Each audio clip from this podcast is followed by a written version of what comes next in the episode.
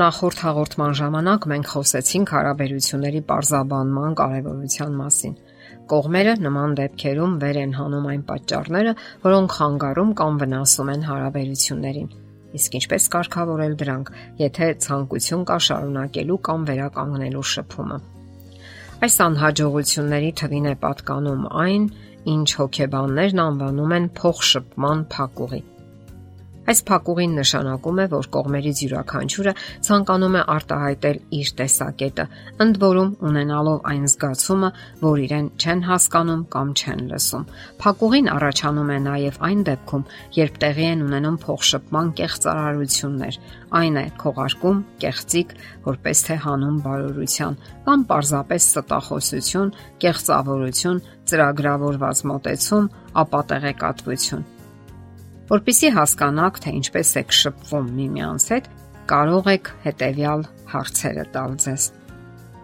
Դուք գոհ եք այն բանից, թե ինչպես եք շփվում։ Դուք ունեք այն զգացումը, որ հասկանում եք դիմացինին, իսկ նա հասկանում է ձեզ։ Մտածում եք արդյոք այն մասին, որ ձեր շփման մեջ բավականաչափ սфеրային գոտիներ կան։ Գոտիներ, որոնց շուրջ դժվար է կամ անգամ անհնար է խոսել Պատահել է, որ ձեր ընկերոջից միտումնավոր թաքցրել եք ձեր որոշ արարքներն ու մտքերը։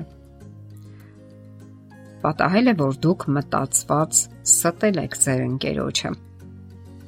Ինչ եք կարծում, արդյոք հնարավոր է, որ ձեր ընկերը ինչ որ բան թաքցնում է ձեզանից կամ ստում է։ Բախվել եք արդյոք միտումնավոր կեղծիքի բացահայտման դեպքերի։ Եթե այո, ապա ինչպես եք հարթում կամ լուծում նման իրավիճակները։ Եվ այսպես, այս հարցերը կօգնեն ձեզ հասկանալու ձեր փոխհարաբերությունների բնույթն ու ընթացքը։ Մարդկային փոխհարաբերությունները ըստ էության բարդ են, նշում են հոգեվեր լուծաբանները։ Նրանք առանձնացնում են փոխշփման տարբեր եղանակներ՝ թվային եւ ածանցյալ։ Սրանք լրացնում են միմյանց, սակայն չեն համընկնում։ Թվային փոխշփման ժամանակ խոսքերը ենթակա են մեկնաբանման, իսկ ածանցյալի մեջ մտնում են ձայնի արտահայտչականությունը, շարժումները,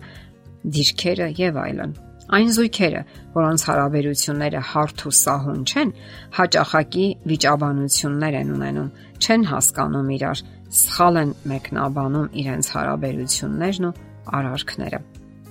Իսկ ինչ կարելի ասել մերձության մասին։ Մերձություն հասկացությունը իր մեջ միաժամանակ 3 տարբեր տարր է պարունակում զգացմունք, տարածություն, ժամանակ։ Խոսենք դրանց մասին առանձին առանձին։ Զգացմունք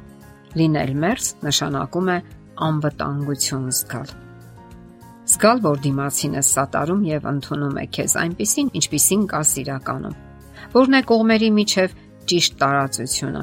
Հոկեբան Պատրիկ Էստրադա այսպես է պատասխանում այս հարցին. լինել բավականաչափ մերձ, որ ձեր կողքինը կարողանա շոշափել ձեզ եւ ընդ որում լինել այնքան հեռու, որ նա կարողանա զարմացնել ձեզ։ Որպեսզի կարողանաք հասկանալ, թե ինչպիսի տարածություն է արկա ձեր միջև, պատասխանեք հետեւյալ հարցերին։ Դուք զգում եք, որ ձեր կողքի անznավորությունը իսկապես լսում է ձեզ։ Իսկ դուք լսում եք նրան։ Որքան հաճախ եք կիսվում միմյանց հետ այն ամենով, ինչը հուզում է ձեզ, զվարճացնում, հրապուրում կամ անհանգստացնում։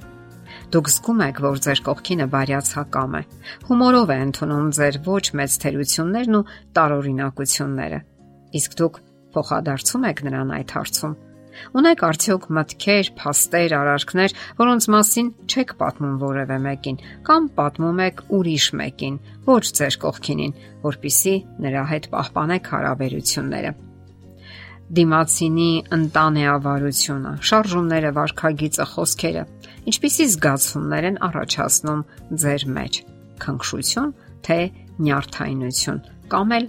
վիճաբանություն են հրահրում։ Իսկ ինչ է ընդհանուր տարածքը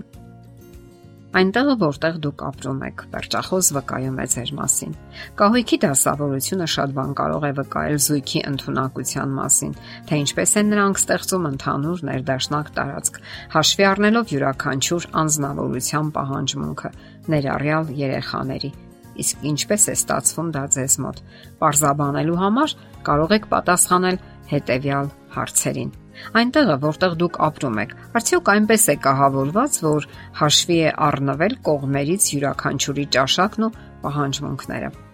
Ընդհանուր տարածքի մեջ արդյոք կան այնպիսի սենյակ, կահույք, իրեր, որոնք պարտադրվել են ձեզ եւ որոնք դուք տանել չեք կարողանում։ Եթե դուք ստիպված լինեք ապրել միայնակ, ապա ներկա տարածքը կլինի հիմնականում նույնը, թե արմատապես կփոխեք այն։ Ինչ կարելի ասել ժամանակի մասին։ Մերձությունը զարգացնելու եւ ամրապնդելու համար ժամանակ է հարկավոր։ Սակայն իրականության մեջ ժամանակը, որը պետք է տրամադրվեր զույգի հարաբերություններին, հիմնականում ծախսվում է ընտանիքի, աշխատանքի, ընկերների ու ժամանցի վրա։ Նրանք, ովքեր ցանկանում են ավելի ներդաշնակ դարձնել իրենց հարաբերությունները, պետք է մեծ տեղ հատկացնեն ժամանակին։ Արդյոք այդպես է ձեր կյանքում։ Կան հարցեր, որոնք կօգնեն ձեզ հասկանալու, թե որքանով են ձեր ցանկությունները համապատասխանում իրականությանը։ Եվ այսպես հաճախ եք հետաձգում ձեր համատեղ ծրագրերը։ Զգում եք, որ ձեր ժամանակը չի բավարարում համատեղ զվարճություններին։ Արդյոք ժամանակ տրամադրում եք ձեր միայնակ առանձին մտորումներին։ Եթե հնարավորություն ունենայիք, արդյոք ավելի շատ ժամանակ կտրամադրեիք միմյանց կամ ինչպես կօգտագործեիք այն։ Արդյոք այնպես եք տեղաբաշխում ձեր տնային աշխատանքները, որ այն բավարարի երկուսիդ էլ։ Իհարկե այսքանով չի ավարտվում ձեր հարաբերությունների վերլուծությունը։ Կշարունակենք հաջորդ հաղորդման ժամանակ։ Եթերում է ճանապարհ երկուսով հաղորդաշարը։ Հարցերի եւ առաջարկությունների համար զանգահարել 033 87 87 87 հեռախոսահամարով։